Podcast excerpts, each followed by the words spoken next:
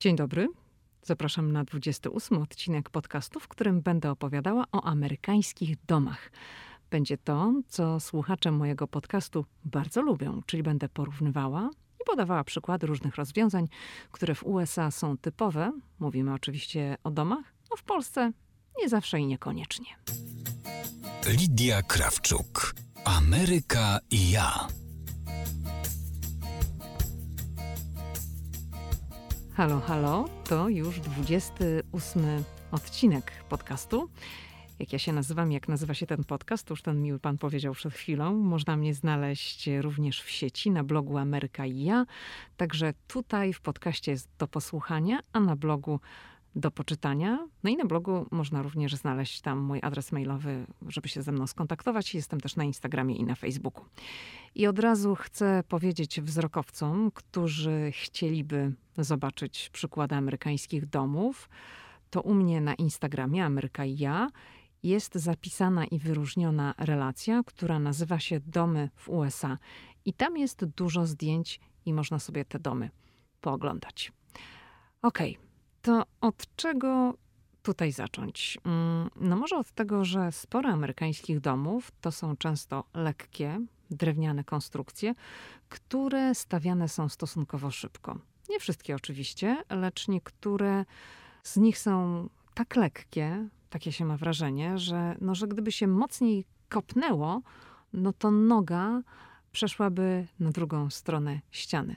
Takie to sprawia wrażenie, że to jest takie lekkie i takie delikatne. I tutaj od razu muszę powiedzieć, że oczywiście nie wszędzie w Stanach tego typu domy się stawia. W ubiegłym roku na wiosnę byłam na Florydzie, na wyspie Marco Island. To jest wyspa od tej strony przy Zatoce Meksykańskiej.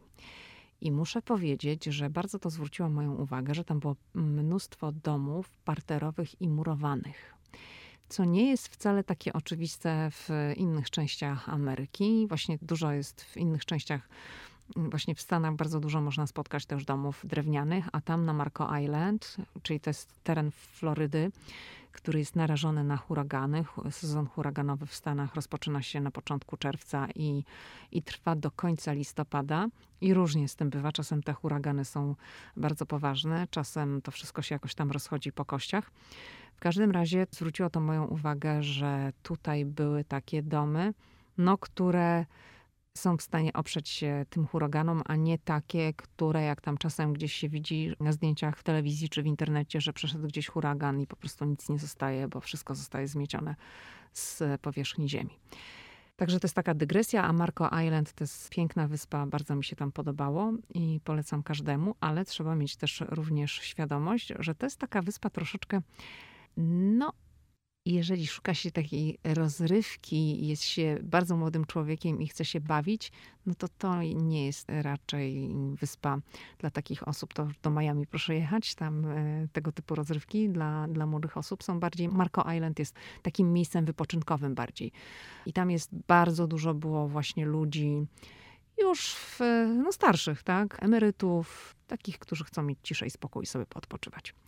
Ok, jedziemy dalej z amerykańskimi domami i teraz chcę powiedzieć o kolorowych drzwiach, ponieważ w Stanach jest bardzo dużo drzwi pomalowanych na różne kolory: czerwone, różowe, zielone, y, niebieskie.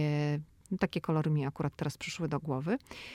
Dużo jest właśnie domów, które mają czerwone drzwi i w amerykańskiej tradycji dom z pomalowanymi na czerwono drzwiami oznaczał tyle, że ktoś zmęczony podróżą może w takim domu z czerwonymi drzwiami znaleźć schronienie. No ale dziś ta zasada to już raczej, znaczy raczej na pewno nie obowiązuje. Ja Parę miesięcy temu to sobie zrobiłam taki specjalny obchód po dzielnicy Georgetown w Waszyngtonie. Georgetown jest dzielnicą historyczną, tam są bardzo ładne domy, fajnie to jest wszystko tak zabudowane. I tam jest mnóstwo domów z kolorowymi drzwiami. I tam też u mnie właśnie na Instagramie jest tam trochę takich zdjęć z domami z tymi kolorowymi drzwiami. I no to jest, tak jak mówię, historyczna dzielnica. Tam ceny domów tej dzielnicy to tak startują, no myślę, że od miliona dolarów i więcej. No i tak sobie tylko mogę wyobrazić właściciela i jego minę takiego domu, że ktoś tam puka do domu z czerwonymi drzwiami i mówi, że jest zmęczonym podróżnikiem. no nie bardzo sobie to mogę wyobrazić, no ale tak było właśnie w amerykańskiej tradycji. Czerwone drzwi to oznaczały i, i, i jeżeli przyjedziesz kiedyś do Stanów, no to zwróć uwagę, że są takie miejsca, takie domy, dzielnice, gdzie, gdzie właśnie drzwi będą pomalowane na, na takie intensywne kolory. No nie wiem, mogą być turkusowe, niebieskie, czerwone, zielone, jakie tam kto sobie wybierze. I teraz tak, co kryje się za drzwiami amerykańskiego domu? Zobacz, no jak to co? No ludzie tam mieszkają, no to wiadomo. Ale tak zaraz za drzwiami, to różnie z tym bywa. Niektóre amerykańskie domy są budowane w ten sposób, że nie ma żadnego przedpokoju, tylko wchodzi się od razu do pokoju, który no w Polsce to się mówi na taki ten główny, największy pokój salon, prawda? No w Stanach Zjednoczonych to jest living room i w pokoju przy wejściu często jest od razu wbudowana szafa, do której chowa się kurtki i buty. Ja nie mówię, że to jest standard, że wszystkie domy tak wyglądają, ale, ale często właśnie tak jest, że od razu wchodzi się prosto właściwie do salonu, że nie ma tego wydzielonego przedpokoju. I teraz, czy Amerykanie ściągają buty, gdy przychodzą do kogoś z wizytą? No wiadomo, że ja nie mogę się wypowiadać za wszystkich Amerykanów, ale to nie ma takiego zwyczaju, gdzie jednak w Polsce bardzo wiele osób, jak do kogoś przychodzi, no to ściąga buty. To też wszystko oczywiście zależy od ludzi, od domu, czy to jest duże miasto, czy, czy mniejsze, czy gdzieś to jest tam na prowincji. No, ale jednak dla wielu osób takie ściąganie butów w Polsce, jak się do kogoś przychodzi do domu, jest naturalne. No bo w Polsce ściągamy, prawda? Zazwyczaj buty, jak do kogoś przychodzimy do domu. No tutaj w Stanach to tak nie. Amerykanie nie palą się w ogóle do ściągania butów. Ale na przykład jeżeli Amerykanin ma żonę Polkę, no to on już jest często przerobiony, wiadomo, i ściąga. No bo żona go tam nauczyła tak, nie? że buty się ściąga. Nie mówię, że zawsze i wszędzie, no ale, ale często taki Amerykanin jest trochę przerobiony. Kolejna rzecz. Okna w domach w Stanach. Otóż Amerykańskie okna najczęściej są przesuwane, a nie otwierane, tak jak w Polsce. I w oknach są siatki przeciw owadom, i to jest bardzo, mm, bardzo fajne, że można sobie latem swobodnie otworzyć okno i wiadomo, że żadne muchy, komary nie wlecą do środka, bo jest siatka. No ale tutaj od razu jest problem z myciem takich okien, bo jak one są przesuwane, to nachodzą na siebie. Jest jeszcze ta siatka, tam trzeba się gimnastykować przy tym i trochę wygibasów robić. I mówiłam o tym w 23 odcinku podcastu, między innymi, że Amerykanie nie myją okien. Nie mają takiego zwyczaju, tak jak Polacy, że nie wiem, przed świętami się myje u nas bardzo często okna. No ogólnie ludzie okna w Polsce zazwyczaj, nie mówię, że wszyscy, tak, ale bardzo wiele osób jednak dba o to, żeby okna były czyste i były umyte i, i to robi dosyć regularnie. W Stanach czegoś takiego nie ma. Amerykanie właśnie w związku z tymi oknami, które są przesuwane, które mają siatki i to nie jest takie łatwe, żeby to wszystko otworzyć, to okno trzeba rozbroić, to za, zamawia się serwisy do mycia okien i o tym właśnie też mówiłam między innymi w 23 odcinku podcastu. Kolejna sprawa. Włącznik światła w łazience w Stanach Zjednoczonych. Tak, no zastanów się przez chwilę. Gdzie standardowo w Polsce znajduje się włącznik światła do łazienki albo do toalety? Przed wejściem, prawda? Na ścianie, przed wejściem do tego pomieszczenia. W Stanach nie. W Stanach najczęściej włącznik światła znajduje się w pomieszczeniu. Czyli światło możesz włączyć dopiero po wejściu do łazienki albo do toalety. Dlaczego tak jest? Nie mam pojęcia. No ale ja już się do tego przyzwyczaiłam i właśnie zdarza mi się w Polsce, że jak wchodzę gdzieś do łazienki, do toalety, to od razu wchodzę do środka i szukam na ścianie włącznika. No, włącznik jest przed wejściem do, do tego pomieszczenia. Także to jest taka dosyć, powiedziałabym, zasadnicza różnica. Na pewno tak jest we wszystkich takich starszych budynkach, no ale ja też w budynku, w którym mieszkam, u mnie też włącznik światła w łazience jest w, właśnie w pomieszczeniu, a nie na zewnątrz. I to nie jest jakiś, nie wiem, bardzo stary budynek, tak? Ale nie jest też taki, który został wybudowane na przykład w ostatnich pięciu latach. Jeszcze jedna rzecz. Nie zdziw się, że jeżeli będziesz na przykład w hotelu w Stanach, to że suszarka w hotelowej łazience może nie zadziałać po włączeniu. No i tutaj nie należy od razu dzwonić do recepcji z prośbą o wymianę suszarki na inną, tylko trzeba popatrzeć na gniazdko, bo w gniazdkach, w łazienkach często znajduje się włącznik prądu. I jeżeli nie działa, to prawdopodobnie dopływ prądu jest odcięty, i wtedy trzeba wcisnąć. Tam jest taki mały czerwony przycisk, i wszystko będzie ok. I suszarka się włączy. Także to jest też taka e, charakterystyczna rzecz w Stanach Zjednoczonych. Kolejna sprawa to są trzeszczące podłogi w amerykańskich domach. I chcę powiedzieć, zdecydowana większość amerykańskich domów, ale no nie jestem pewna, czy to będzie zdecydowana większość, ale może powiem tak, że bardzo wiele amerykańskich domów jest drewnianych. I to są, tak jak mówiłam na początku, stosunkowo lekkie konstrukcje, i te domy stawia się dosyć szybko.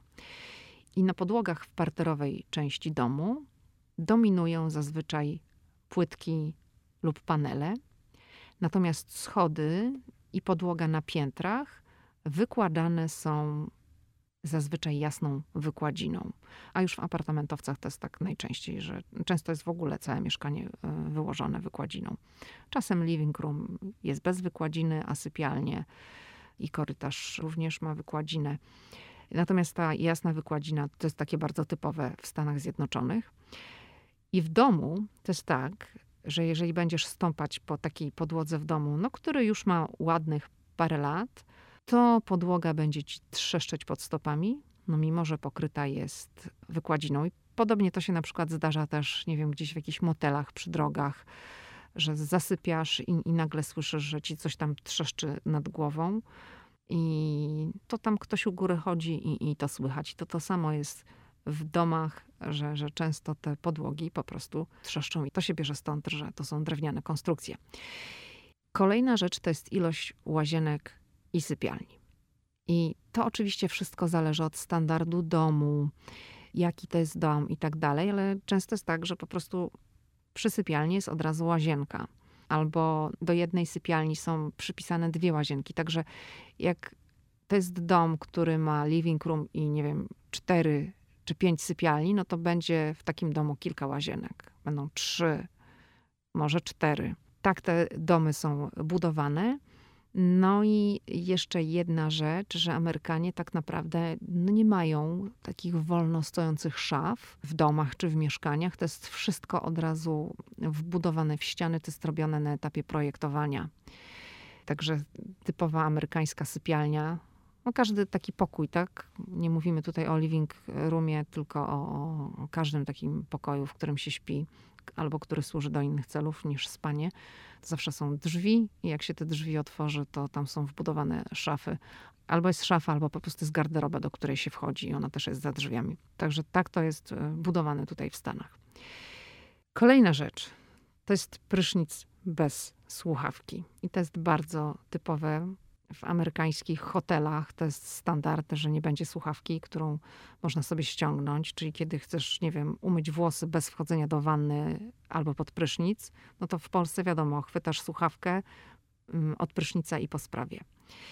W Ameryce tak nie ma. Prysznic w USA w standardzie, ja mówię o standardzie, najczęściej to jest słuchawka na stałe przymocowana do ściany. I ktoś tam może się odezwać, a to ja mam taką, u mnie tak nie ma. No u ciebie może nie ma. Mówię o kimś, kto w Stanach żyje.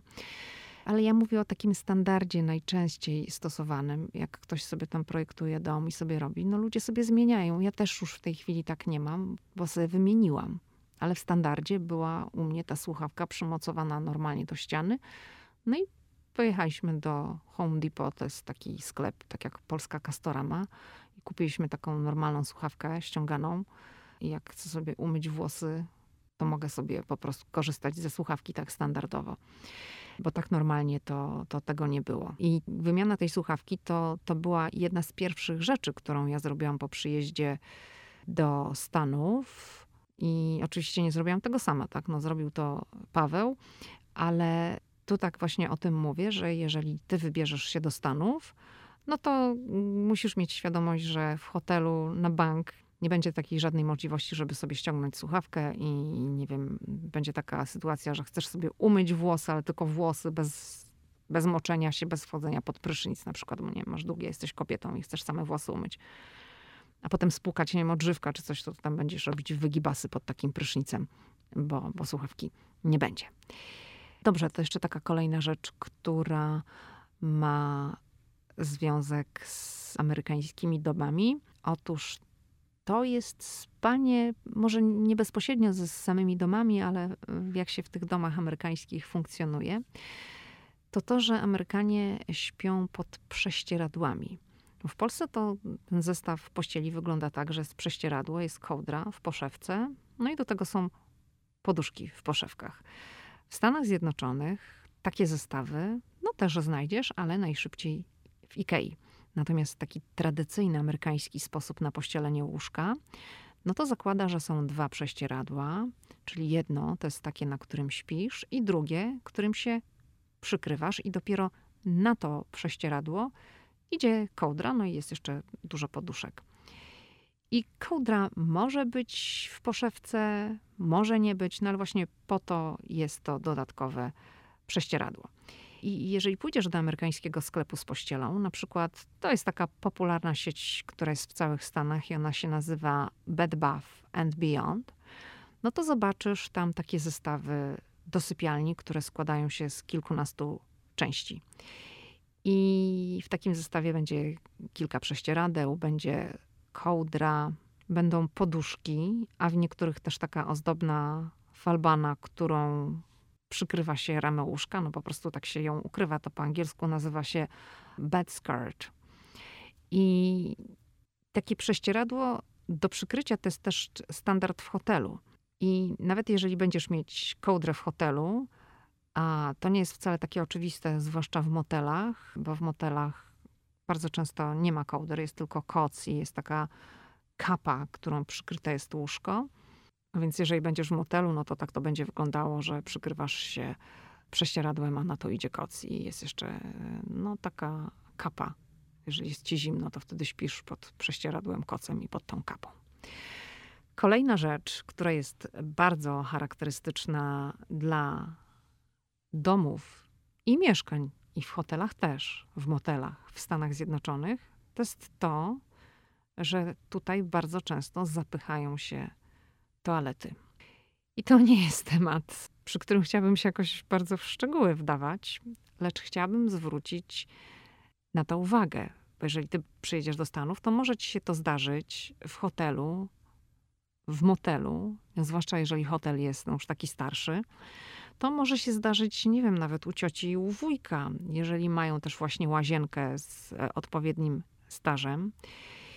I to sytuacja może mało zabawna, no może zdarzyć się tutaj komuś, kto przyjeżdża do Stanów Zjednoczonych, że ta toaleta się po prostu zapcha.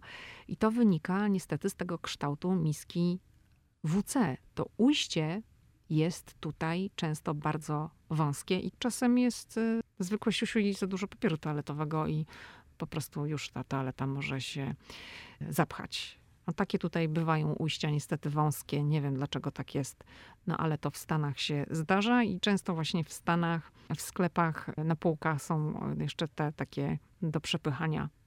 Jak to się nazywa? To nie są szczotki takie, mają taką gumową końcówkę do, do przepychania. Ostatnio byłam w CVS-ie, szukałam czegoś na takim dziale, gdzie były ręczniki papierowe, jakieś płyny i też to zwróciło moją uwagę, że stały takie te gumowe do przepychania nie wiem, czy to jest przepychaczka, czy nie wiem, jak to się nazywa, no takie z taką gumową, ssącą końcówką do przepychania toalet. W CVS-ie widziałam. Dobrze, to tyle w tym temacie. Kolejny taki element charakterystyczny dla amerykańskich domów to są, ja na to mówię wiatrako, lampy. W Stanach Zjednoczonych dość często są montowane na sufitach wiatraki. Klimatyzacja to jest wiadomo, ale oprócz tego jeszcze jest druga taka alternatywa i to jest wiatrak. I on często jest połączony razem z oświetleniem, czyli taki, ja mówię na to wiatrakolampa, ponieważ tam są wkręcone żarówki, czyli to pełni funkcję taką oświetleniową, jest widno w pokoju. Można to również włączyć i ten wiatrak się kręci, no i chłodzi. I chciałabym tutaj przy okazji opowiedzieć taką historię, no myślę, że będzie zabawna, która przydarzyła się e, Pawłowi i mi na Florydzie.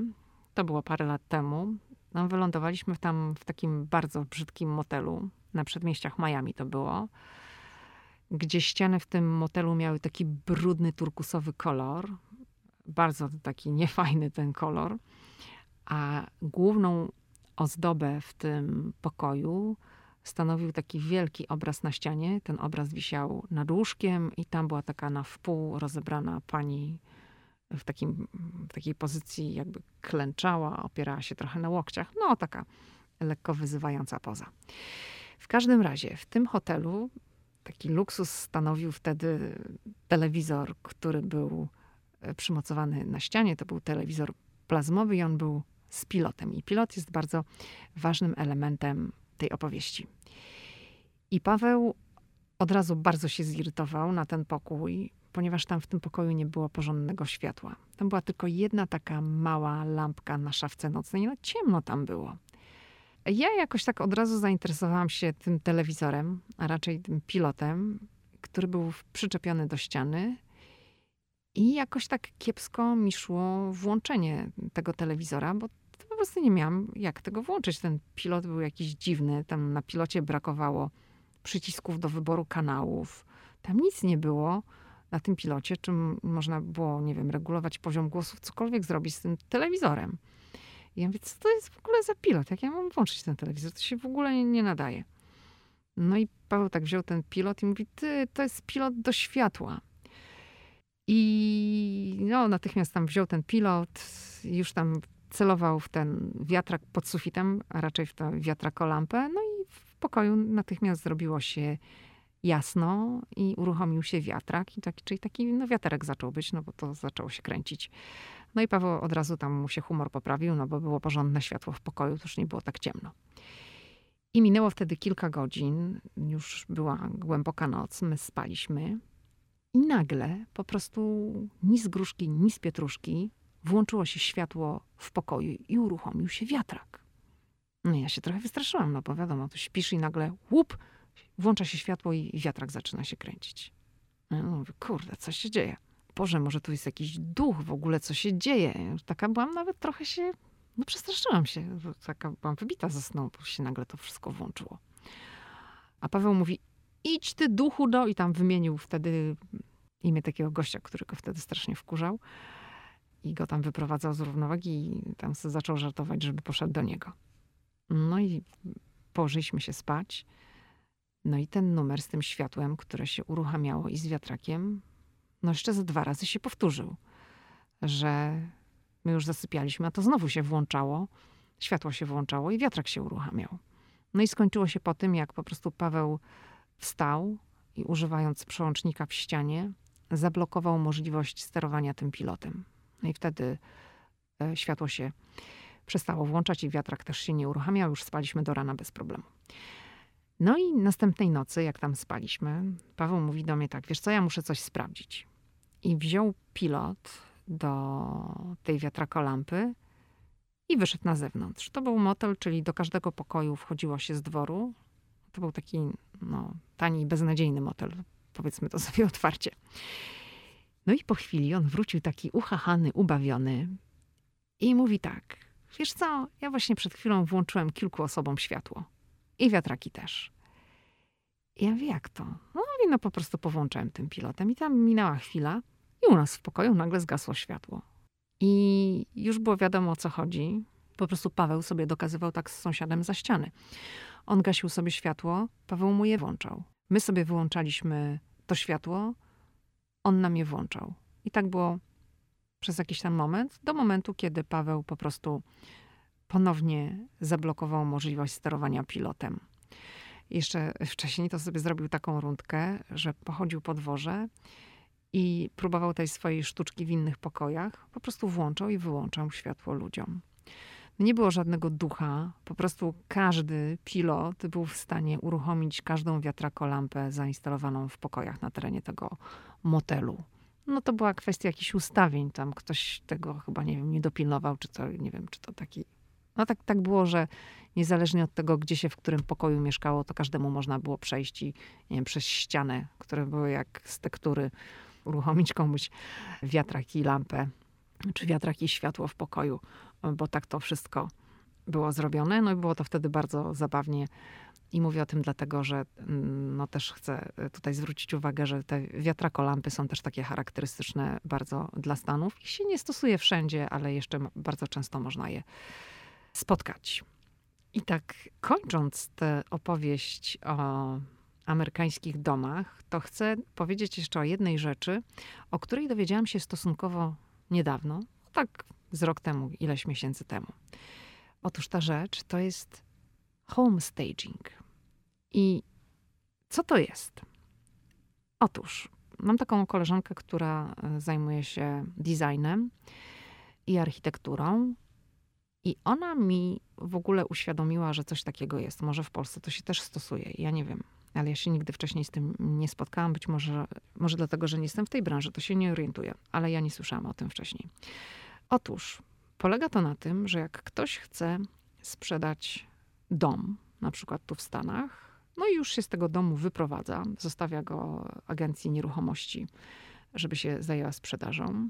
Wtedy agencja czy wyspecjalizowana firma, która się tym zajmuje, zleca to ludziom, którzy zajmują się właśnie czymś takim jak home staging. I to właśnie moja koleżanka tutaj wkracza, która wchodzi do takiego domu razem z ekipą i ta ekipa przywozi różnego rodzaju meble, kanapy, stoliki, jakieś półki, komody.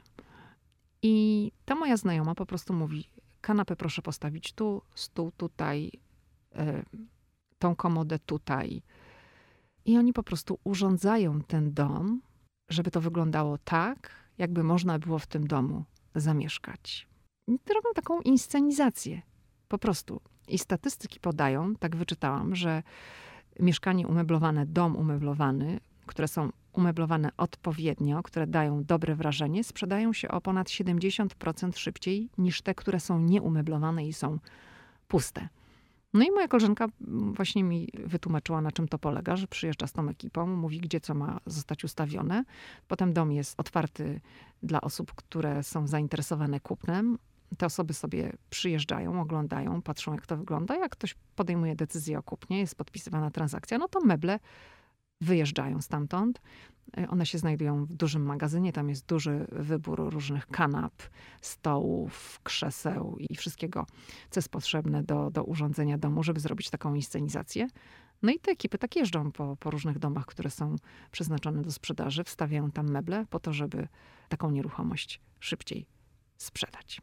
Także to jest ten home staging i o tym, tak jak mówię, dowiedziałam się stosunkowo niedawno, że takie praktyki się robi może w Polsce się robi. Tak swoją drogą to ja zawsze się zastanawiałam, bo jak czasem się ogląda jakieś takie wypasione apartamenty gdzieś tam na Manhattanie w tych drapaczach chmur, które są tam po 20 milionów dolarów i tam jest też wszystko takie od razu urządzone.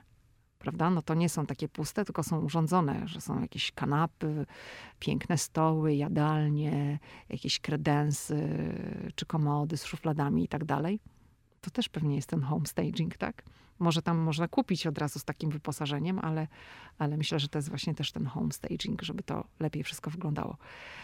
No, żeby kupujący miał lepsze wyobrażenie, co tutaj można z taką przestrzenią zrobić, po to się właśnie to robi. Okej, okay, to jest tyle, co przygotowałam w tym odcinku na temat amerykańskich domów. Jeżeli Ci się podobało, to oczywiście subskrybuj podcast Ameryka i ja. Jeżeli jeszcze nie subskrybujesz, kolejny odcinek będzie jak zwykle za tydzień we wtorek, bo we wtorki pojawiają się nowe odcinki. Do usłyszenia.